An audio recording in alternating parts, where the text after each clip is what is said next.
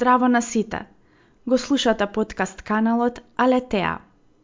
Јас сум Ена и во ова издание на подкастот ќе разговарам со Александар Маджаровски, македонски јутјубер познат под името Читачот. Имано тој на својот јутјуб канал прави рецензии на книжевни дела од македонски и од странски автори. Исто така, тој е филозоф, поет но пред се е љубител на книжевноста. Темата на која ќе разговараме е оваа негова идеја, овој негов проект, наречен Читачот, но исто така ќе говориме и за некои други теми кои што се директно или индиректно поврзани со пешаниот збор. Останете со нас во следните 40 на минути.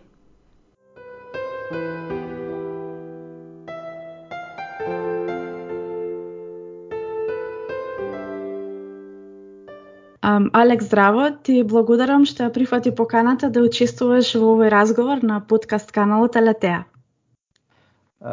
Фала ти Ена за поканата и се надевам ти имаме убав разговор.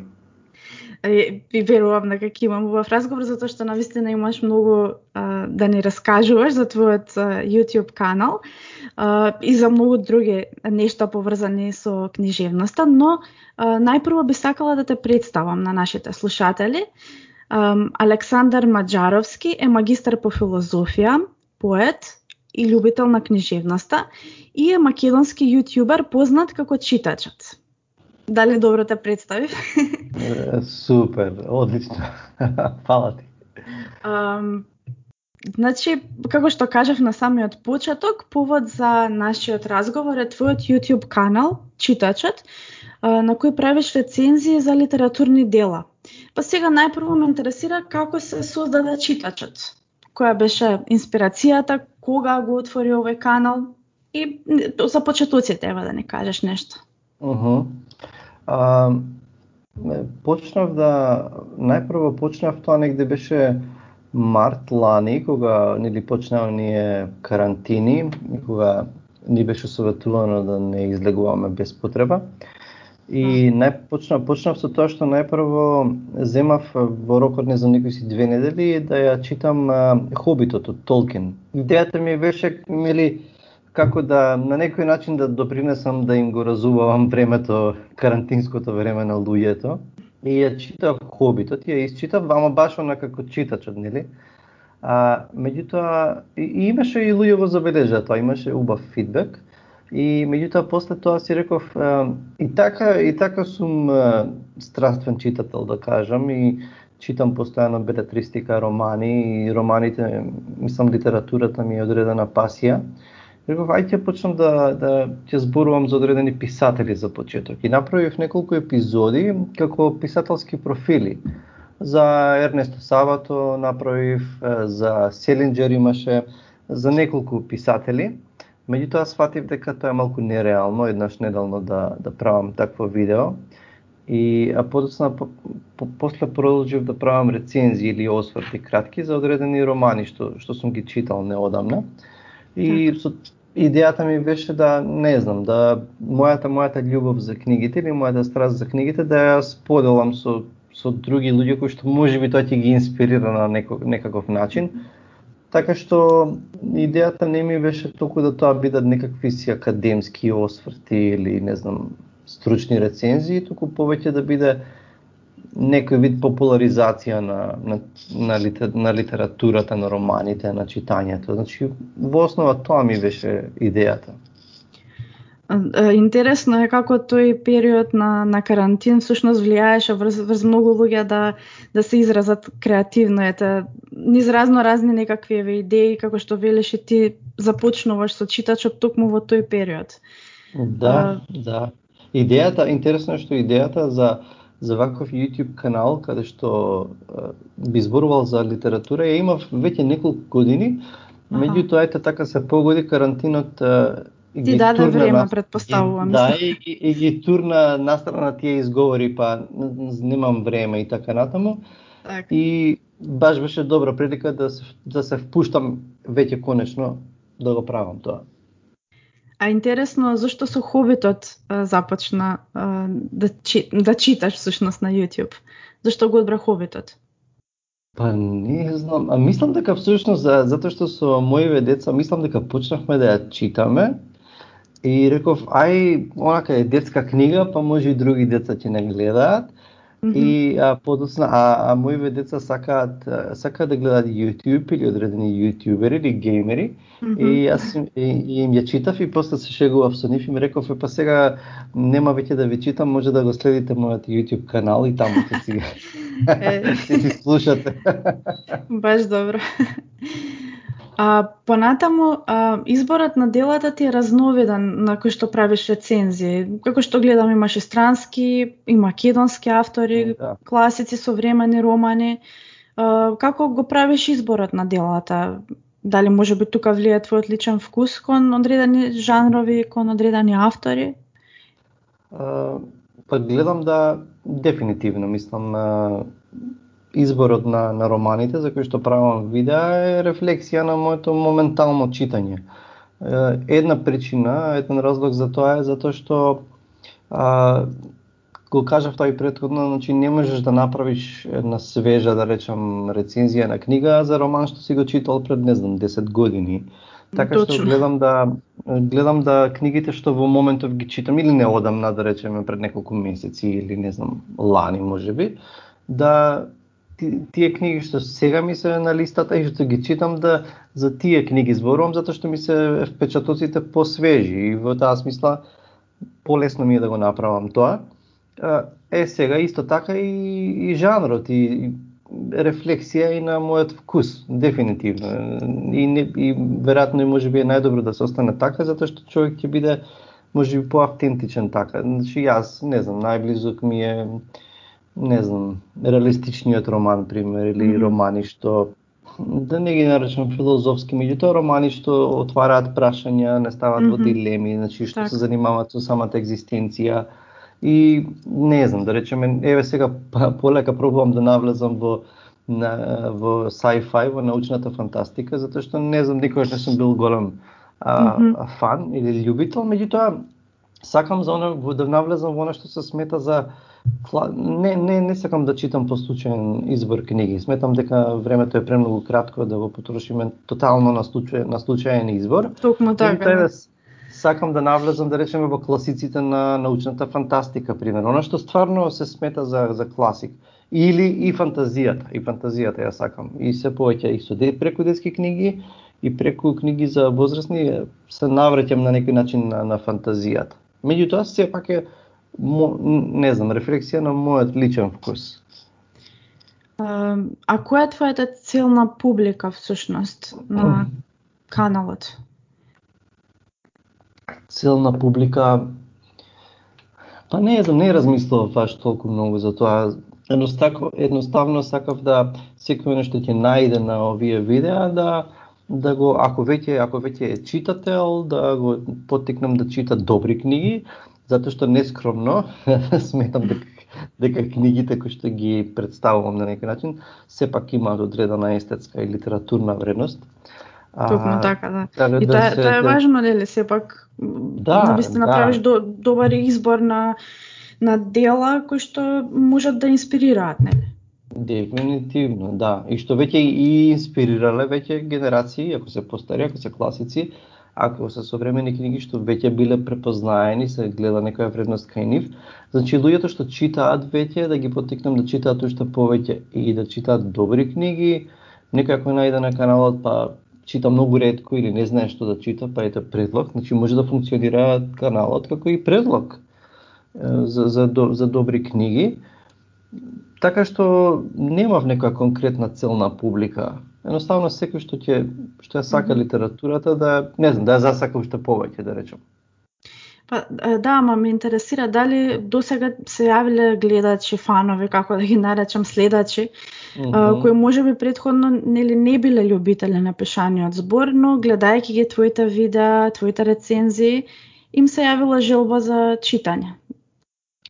Па може би конкретно во таков облик не сум имал коментари, Меѓутоа имав имав значи на некој начин фидбек и коментари од типот на на повеќе луѓе ми кажаа дека им се допаѓа што сега имаат содржина на за литературата, нели, на македонски, затоа што до сега гледале на српски, на англиски и имало, не знам, еден вакуум, на празнина за ваква содржина на македонски. Други луѓе ми пишале да речеме е фала ти на препораката си ја купив таа и таа книга, супер беше, или да ги купив делата од таа и таа писателка.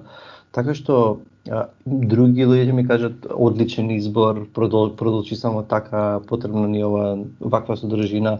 Така што многу убав фидбек има всушност од од да речем след моите следачи на на каналот. Е сега дали некој не читал предходно или не бил читател, па сега не знам за конкретно ти излажам ако кажам дека сум имал таков Така, па не, на крај, да, на крај на краиштата всушност не е важно, важно луѓето да да се инспирираат да читаат, еве.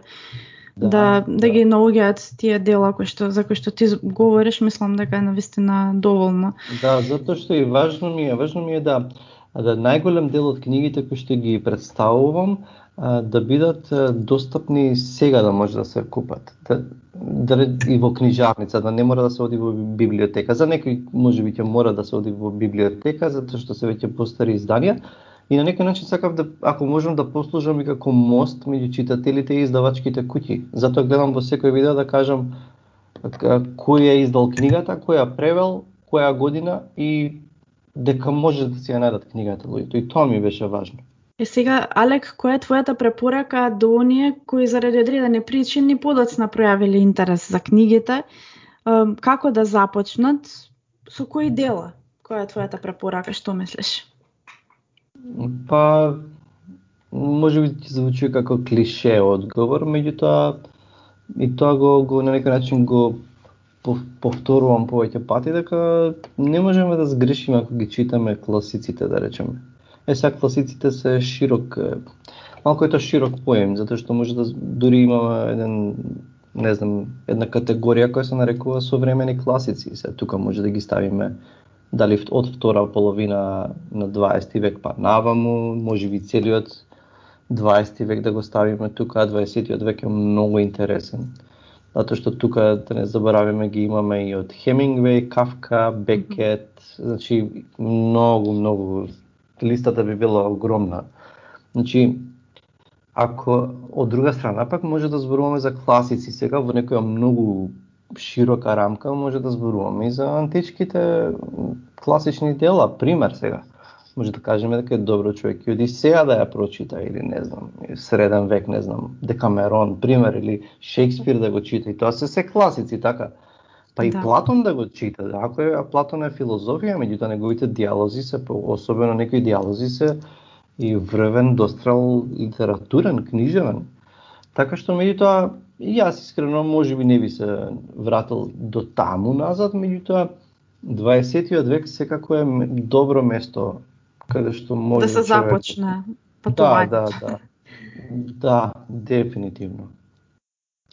Така што би почнал со па може би и со тие современи современи класици. И секако нормално има мора човек да биде селективен затоа што продукција книжевна има огромна, особено во нели во англосаксонскиот свет. Има огромна продукција, меѓутоа многу голем дел од тоа е и па книжевност, кај што нема некоја голема вредност, ако бидеме искрени. Да, па затоа се добри ваков тип на рецензии, нели, за да може всушност да да се види, нели, да се пронајде човек во во одреден жанр, да да види што всушност него му му лежи, нели, што би, би сакал да, да чита понатаму. Да, затоа што мислам дека исто така е важно и да А, мислам дека љубопитноста е многу важна и, и еднаш ја направив едно видео каде што зборував за широко читање, значи убаво е да бидеме љубопитни и да да да читаме меѓу жанрови, окей? Меѓутоа факт е дека нема сите жанрови да ни лежат. И веројатно ќе гравитираме околу одреден жанр, не знам, некој за некој луѓе може тоа се трилер трилери пример или фантазија некој сака или некој е но премногу страствен фан на научна фантастика и тоа му е неговиот жанр Меѓутоа, мислам дека пропуштаме ако се ограничиме само строго на еден жанр. Мислам дека треба широко да се чита, и така и ќе се рафинира вкусот и, ќе, и така и ќе да знаеме што каде всушност е, не знам, што всушност вистински ни се допаѓа. Така, ова е добар совет, на вистина. Да, фала ти. Кои се твоите понатамошни планови со овој твој проект, читачот? А, па, понатамошни планови, значи, оно, оно што сакам сега да, да, да продолжам да го правам е да, за малку и во борба, нели, обврски, нели, секојдневие и така натаму работа, а, сакам да го одржам ова темпо, да продолжам да правам а, баш осврти за книги.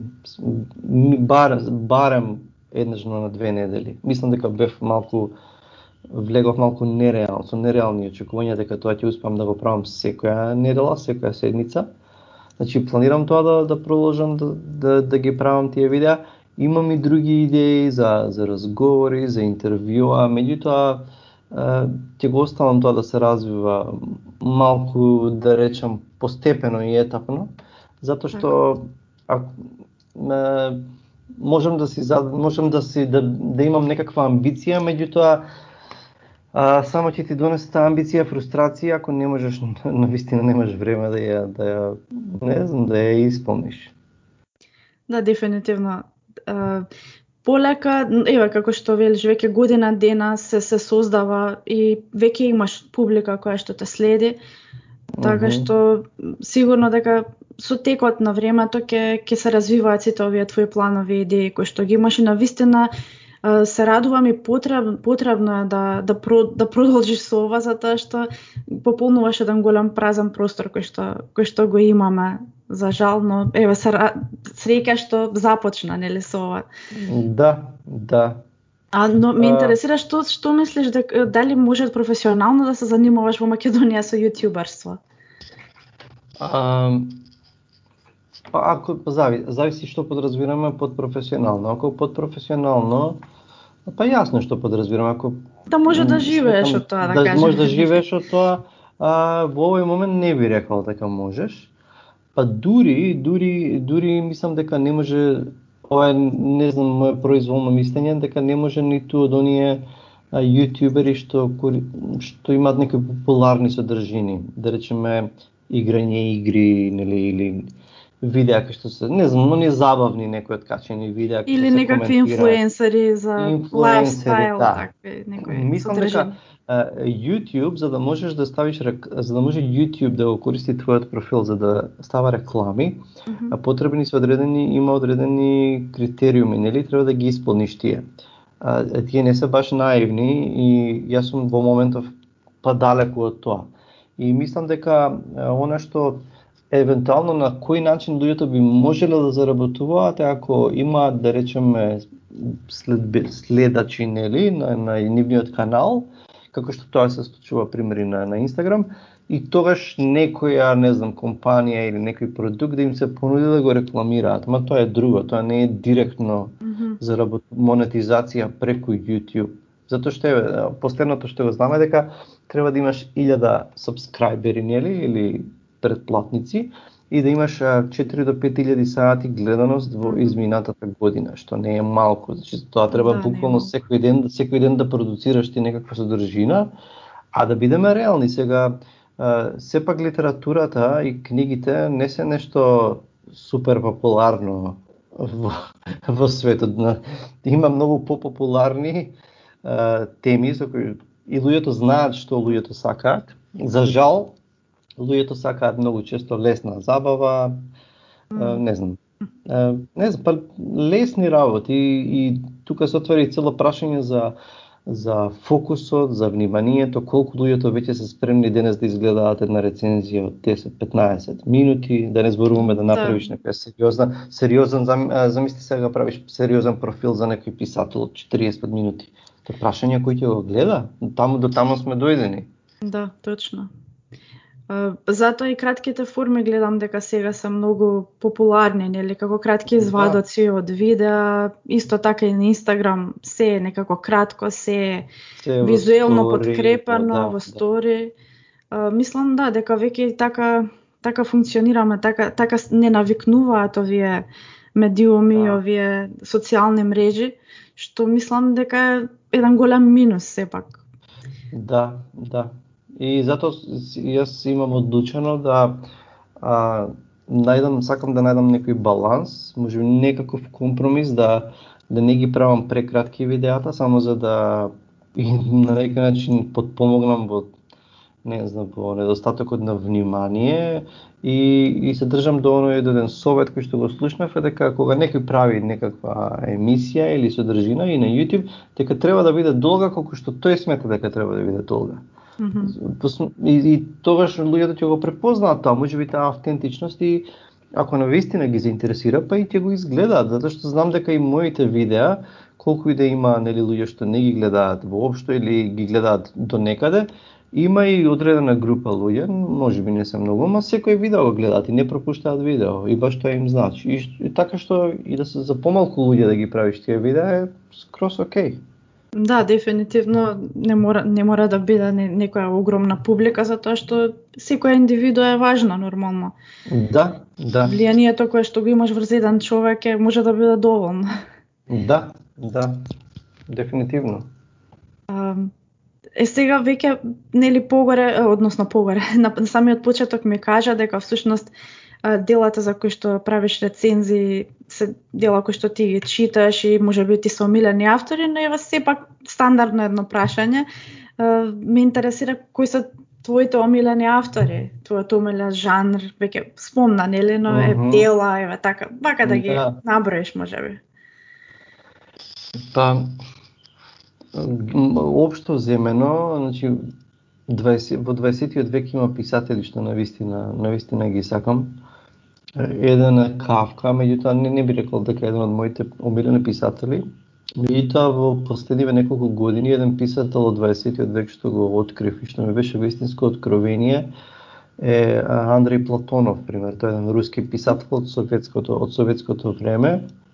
Значи тој ми беше едно откровение, едно освежување. И не знам зошто гравитирам, значи колку и да се нели Рус, зборувам за русите сега, пример, нели Достоевски, Гоголь, Толстој, Чехов.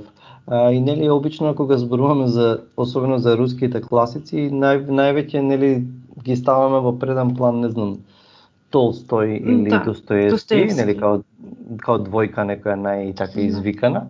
Меѓутоа јас за мене Чехов е ми е омилен руски писател и може би ми е нај нај нај омилен од сите.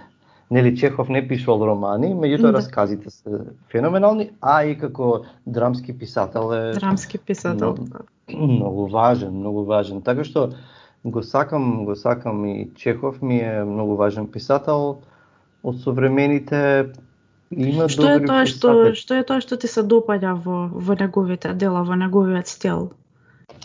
Кај Чехов?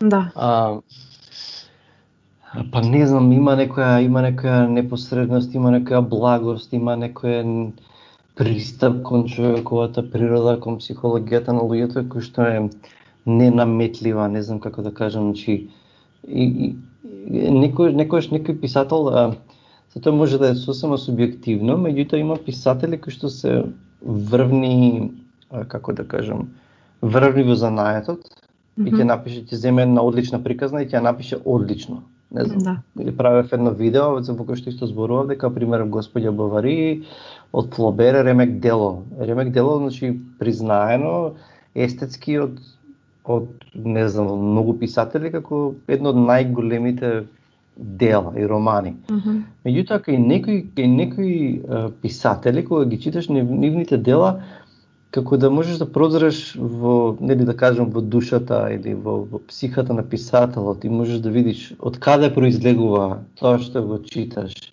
И, и кај некои писатели го гледаш тоа низ делата и ти се допаѓа тоа што го гледаш.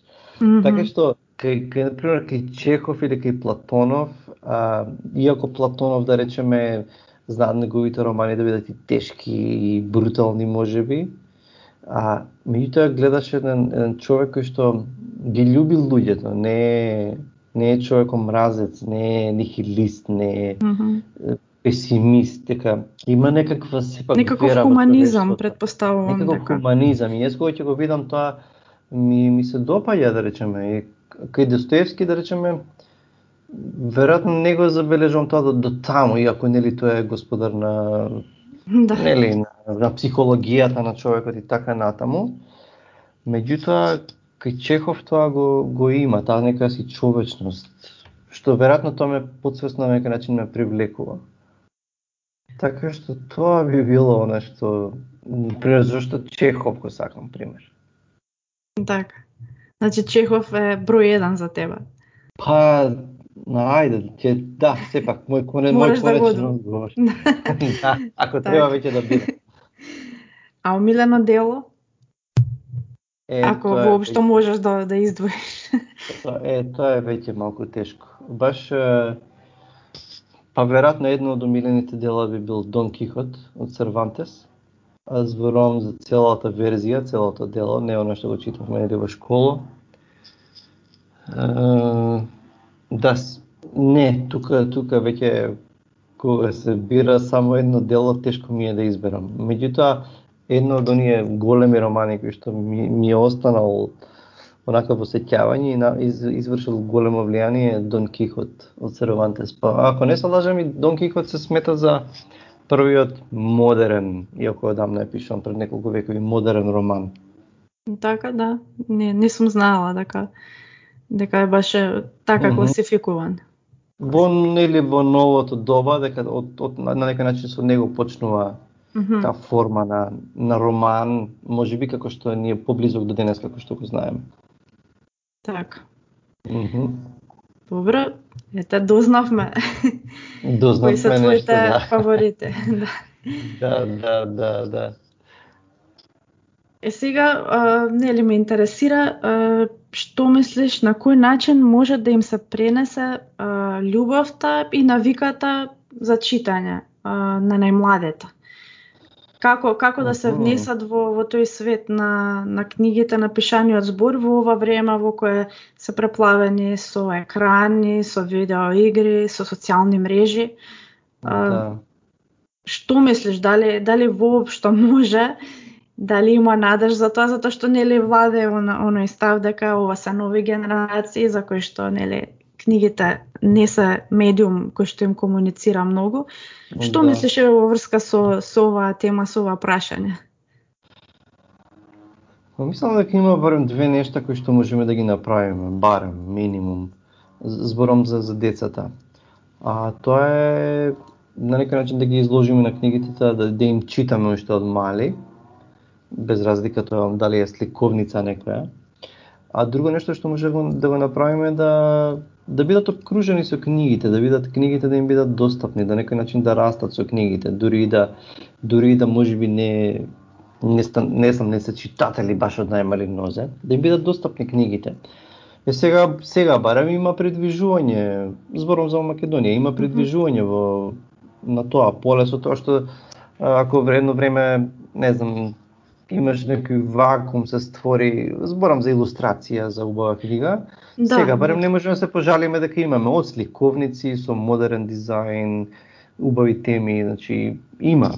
Достапни се, лектирите се веќе преоблечени во нови илустрации, нели корици, значи има книги, има и тоа баш има убава продукција, дури може би премногу, така што а, Значи има Е, сега, понуда, а интересот има каков е понуда. дали имаш а, Интересот, сознание не, твоите? па не знам, не би можел да кажам каков интересот, знам дека а, нели екраните ги спомна, екраните, значи а, а, пре а, преголема стимулација има преку игрите, преку нели телевизија, екраните, не знам, YouTube и така натаму, така што одеднаш кога ти си престимулиран од бои, од гласови, од е, тонови, од слики, и сега треба да земеш на, не знам, на книга, од хартија, па поготово ако нема нема илустрации, и треба да навлезеш во тој свет. Едноставно тоа ти станува здодевно, значи нема никаков предизвик во тоа.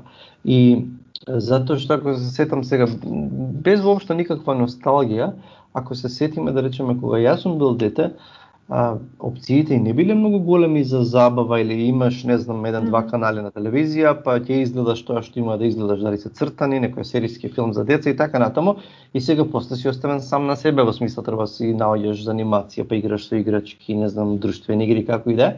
И се тука е книгата и шансите, ти не си престимулиран и шансите дека и книгата ќе ти понуди, детската книга, дека ќе ти понуди некакво доживување, нели возбуда, нели некакво уживање и забава се поголеми, беа поголеми. Додека сега има преголема стимулација и, еднаш, и одеднаш книгата станува нешто здодевно. Е сега Океј, има има писатели, има романи што успеа, да речеме како Хари Потер, Точно, Раулинг. да, јас прво се седев на Хари Да, Потер. сега. успеа, успеа, сепак мора да се поздрави тоа дека дали до приказната е, дали филмови што имаше, нели, сепак деца онам во голем број ги читаат тие книги и им се допадна, и им се допаѓаат на децата. Така што не би требало да се наработи на тоа поле да не биде да се кренат раци да каже да кажеме па децата едноставно ново време ова и сега не сакаат да читаат. Не, ако ништо друго барем треба да бидат окружени со книги да им се понудат книгите и да се најде е, е, начин, значи јас и тоа го имав како идеја, меѓутоа да речеме ако сакам да, да, да се обратам на таа публика, да речеме на помлади или тинејџери, Мгм. свесен сум дека нема да можам во истиот формат, со истиот речник Да, да. да го направам. Значи, Малку тоа да се прилагодиш кон тој да се прилагодиш, нели, и речник, и начин, и изведба и така натаму. И ни фали таква содржина. Јас мислам дека и тука имаме Па може би Баш- би требало да пробаш, нели, зашто да не? Па, може би, тоа да ти кажа право, може би ќе пробам. Сега во моментов немам капацитет за тоа, мислам и, и временски секако. Така. Меѓутоа како го како да кажам, важна ми е таа тема, ми гори некако дека дека де, читателите се создаваат од, од, од детството, мислам. И, Па да, дефинитивно, тука нели влија и врз развојот и, и на говорот и на на многу многу елементи всушност во во развојот на децата. а, Дефинитивно. По, особено што имаме сега, тоа е цела тема, можеме да направиме цела емисија за тоа колку англискиот јазик влијае врз Да, да. како де, денешните деца го зборуваат македонскиот јазик. Тоа е еден цел нов феномен кој што е Да, и И- мене таа тема многу ме интересира, а и особено, а, извини се што прекинав, но Не, тука ми не, е мислата, а, влијанието нели на на екраните, затоа што како што знаеме уште буквално од од првите месеци од животот има нели родители кои што им даваат таблети, мобилни и Да. има една цела плејада на како да кажам содржини кои што се наменети токму за таа возраст. И да, нели препораките се дека не би требало децата да бидат изложени од толку рана возраст на да, на Да. екрани и дека штетно влијаат, но за жал нели малце не не е едноставно велат нели да се да се не забрани да се не е едноставно затоа што и животот а, е станат и трка за преживување и често родителите без на некој начин лоша намера, тоа е некаков излез за малку мир или за така што нито тоа е комплексно, тоа е целен систем од меѓуповрзани работи за да за да на крај сепак децата, не знам, тоа не е добро влијание за нив во секој случај. Да, бара поголем ангажман. Еве јас во одлично искуство гледам, се трудам буквално да го минимизирам тоа влијание од да, да не пуштам нели детски, односно телевизија, да не му давам на моето 13-месечно бебе никакви Мгм. такви апарати, но заради тоа постојано сака да му читам сликовници, сликовници да му да зборуваме, да му покажувам, да му раскажувам, да у, да му учи зборчиња на некој начин. И да Тоа бара бара бара доста посвета на сето тоа и нормално ги разбирам оние родители кои што едноставно по, полесно им е во тој момент, во некој момент да да им дадат таблет, нели? Да, да, да. Така што не, не никој не е за осудување, нели? Но треба да се биде Да. свесен за за негативното ис... Да. влијание, да, нели? да, да, да, да. Да, дефинитивно треба да се биде свесен и сега колку што и колку што е свесен и колку што може има сила и да го направи тоа да да го скратиме тоа време на или на изложеност на, на, на екраните и, и на таа стимулација затоа што прво, нели, тој обем на внимание. Прво што страда е обемот на внимание, а подосна и ова е затоа што е сепак прилично нов феномен, јас мислам дека допрва ќе видиме за некоја деценија две последиците од од таа Да. престимулираност Да. и изложеност на екраните. Да, и среќа што нели сега веќе она баш реагираат стручњаците и, и посочуваат дека треба да се внимава околу сето Да. тоа, но ете, тоа е една друга тема која што Широка навистина тема, е широка добро тема. да се опфати. Може би во некој друго издание на подкастот ќе ќе разработам. Тоа би било добра идеја. Да. Еве сега уште се приближуваме веќе кон крајот, иако е вака се отвараат, гледам многу многу теми, многу нови прашања, но известно време нели е актуелна расправата околу тоа дали дигиталните форман, формати ќе ги заменат печатените книги. Јас лично сум љубител на печатените и можеби пристрасно сметам дека нема да се случи нивно исчезнување, нели како што велат, ќе исчезнат книгите, печатените книги и Мгм. така. А, кои се твоите размислувања во врска со оваа тема? Е, расправа која што е актуелна и а, не, најискрено мислам дека нема да ми изненади ако еден ден печатените книги а, исчезнат. Не гледам дека тоа ќе се случи во догледно време, според мене. Меѓутоа не би ме зачудило да тоа се случи. Од друга страна, јас лично да речеме веќе десетина години имам Amazon, Amazon Kindle читач електронски, кој што сепак користи поинаква технологија, значи нема нема светло и некоја а, симулира не знам технологија која што симулира а, печатена книга, нели, како со мастило. И затоа што знаеш, значи телефон, компјутер сосема замара, значи воопшто не е пријатно за окото. Да, И, дефинитивно. и таму, таму имам, таму имам јас одреден број книги на тој читач. Добро, тоа е добрата работа е што можеш каде и да одиш, батеријата долго трае и си ги имаш достапни тие книги со тебе. И една една едно нешто што многу ми се допаѓа е што кога ќе стиснеш на на зборот, ти излегува превод како се прави како балонче, Мгм. поп-ап ти преведа. И ти едно време читав поинтензивно малце на Kindle, и после почнав подсвесно да стискам на хартијата на книгата, мислејќи дека ќе ми се појави превод на, кога зборувам кога читам на англиски, нели? Аха, така. А, така што од, од една страна за мене тоа е супер супер, Мгм. а лично преферирам преферирам книга, значи печатена книга и се поретко го користам. Некојаш ако имам нека книга што баш таму ја имам на Kindle, ја читам таму, меѓутоа преферирам книга. Значи Затоа што сепак се- доживувањето е поинако, поинако. Поинакво е затоа што се може се може да направи а, електронскиот апарат, меѓутоа не може да мириса на книга. Да. Дори не може ни, ни, прашин, ни прашината не можеш да ја почувствуваш од некоја стара книга. Да, некоја стара пожол со пожолтени страници. И тоа има свој-. Да, Да. да, да. Да, Така да што, мислам, ќе видиме, ќе видиме. Меѓутоа мислам дека тоа нема да се случи во догледно време. па да, верувам дека дека и јас верувам дека така ќе биде. Баш пред известно време читав една книга од Але- Александро Барико The Game. А, и баш во неа спомнува а, дека не- нели тука ги анализира ја анализира развојот на технологијата и сите тие детали и вели баш ова прашање го го споменува и вели дека наоѓа некакви податоци дека последниве десетина години а, е зголемена продажбата на на печатените Мгм. книги така што ете има надеж.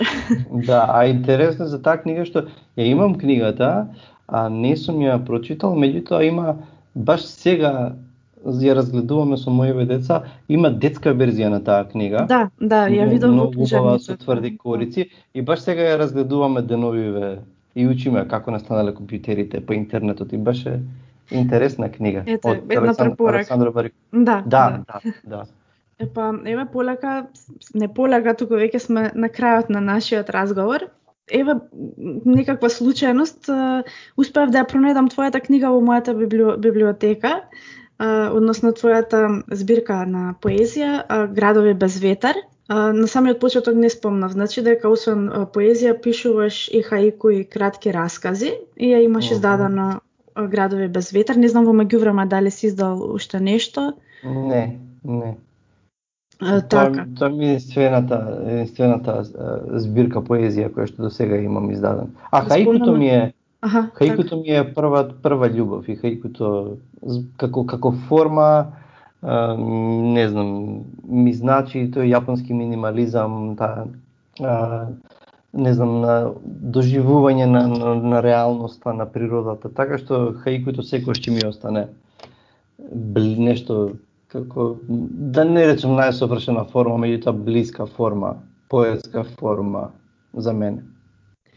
Дали подготвуваш нешто ново? Па, искрено не, не, не во моментов. До сега, до сега си имав изговори, а троше да спремам и пишував магистерски труд и до пред а, Честитки еден месец. за за магистрирањето. Свежо магистриран се така. Да, да, па, па еден месец од прилика или три недели. И до сега тоа ми беше изговорот. Меѓутоа сега немам што да правам, не можам да бегам сега. А, а сакам да пишувам, мислам. Поезија, добро, поезијата е полесно затоа што многу често поезијата е момент на инспирација, па ќе запишеш некои мисли, па после ќе ги доработиш. Така што имам во меѓувреме напишано јас пое- песни, поезија или хаику, меѓутоа имам амбиции за роман, за некои кратки форми, така што ете сега работава што немам изговори веќе и кај да ќе морам нешто да направам во врска со тоа. Да, навистина интер убав наслов Градови без ветер. Да, да, урбано, урбаното градот Скопје присутно е во присутно е во низ целата збирка е се провлекува низ сите песни подсвесно Така. и подсвесна, подсвесната желба за ветер во зимските денови во Скопје. За чист воздух. Чист воздух, да. да. Па, е, дали се согласуваш да прочитам една? Слободно. Песна. ќе за крај.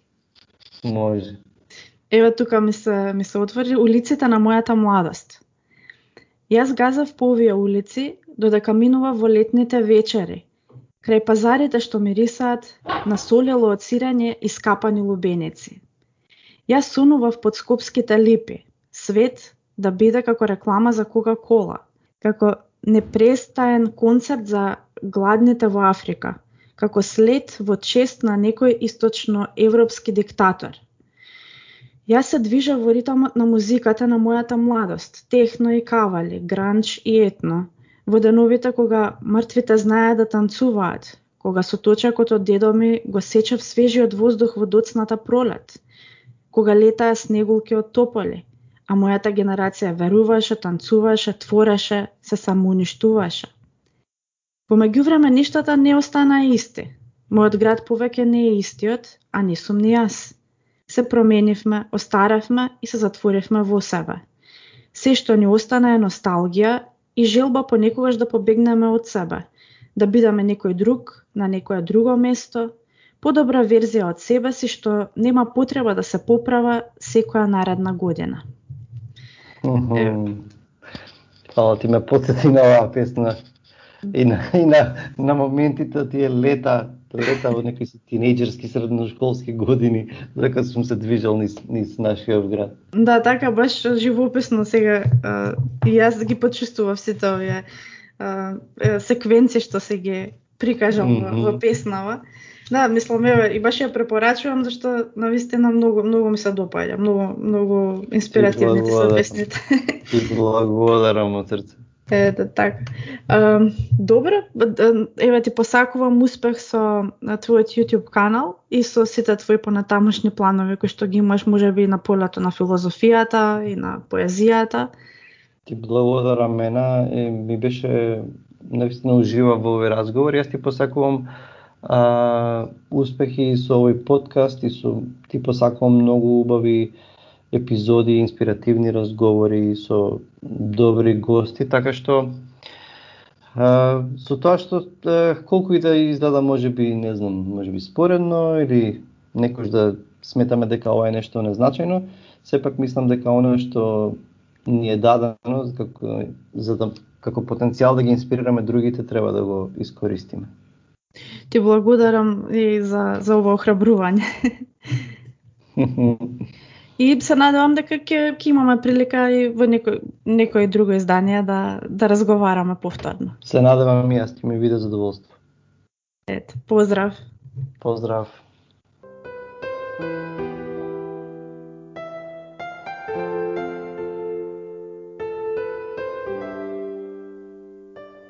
Го слушавте подкаст каналот Алетеа и разговорот со Александар Маджаровски, македонски јутјубер кој прави рецензии на книжевни дела на својот јутјуб канал Читачот. А јас сум Ена Абјаник Чаусидис и се слушаме во следното издание на мојот подкаст. До слушање.